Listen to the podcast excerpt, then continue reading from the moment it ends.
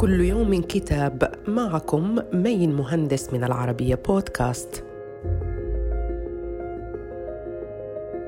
نتناول اليوم كتاب مرايا السرد للدكتور ربيع عبد العزيز أستاذ النقد الأدبي بكلية دار العلوم جامعة الفيوم.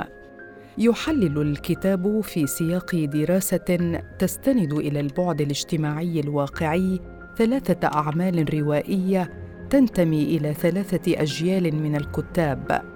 الأولى رواية دعاء الكروان للدكتور طه حسين يتقصى فيها المؤلف قضايا الشرف والعلم والحب التي تعالجها رواية دعاء الكروان أما الرواية الثانية هي رواية البيضاء للدكتور يوسف إدريس يعالج فيها جدلية العلاقة بين الشرق العربي والغرب الأوروبي.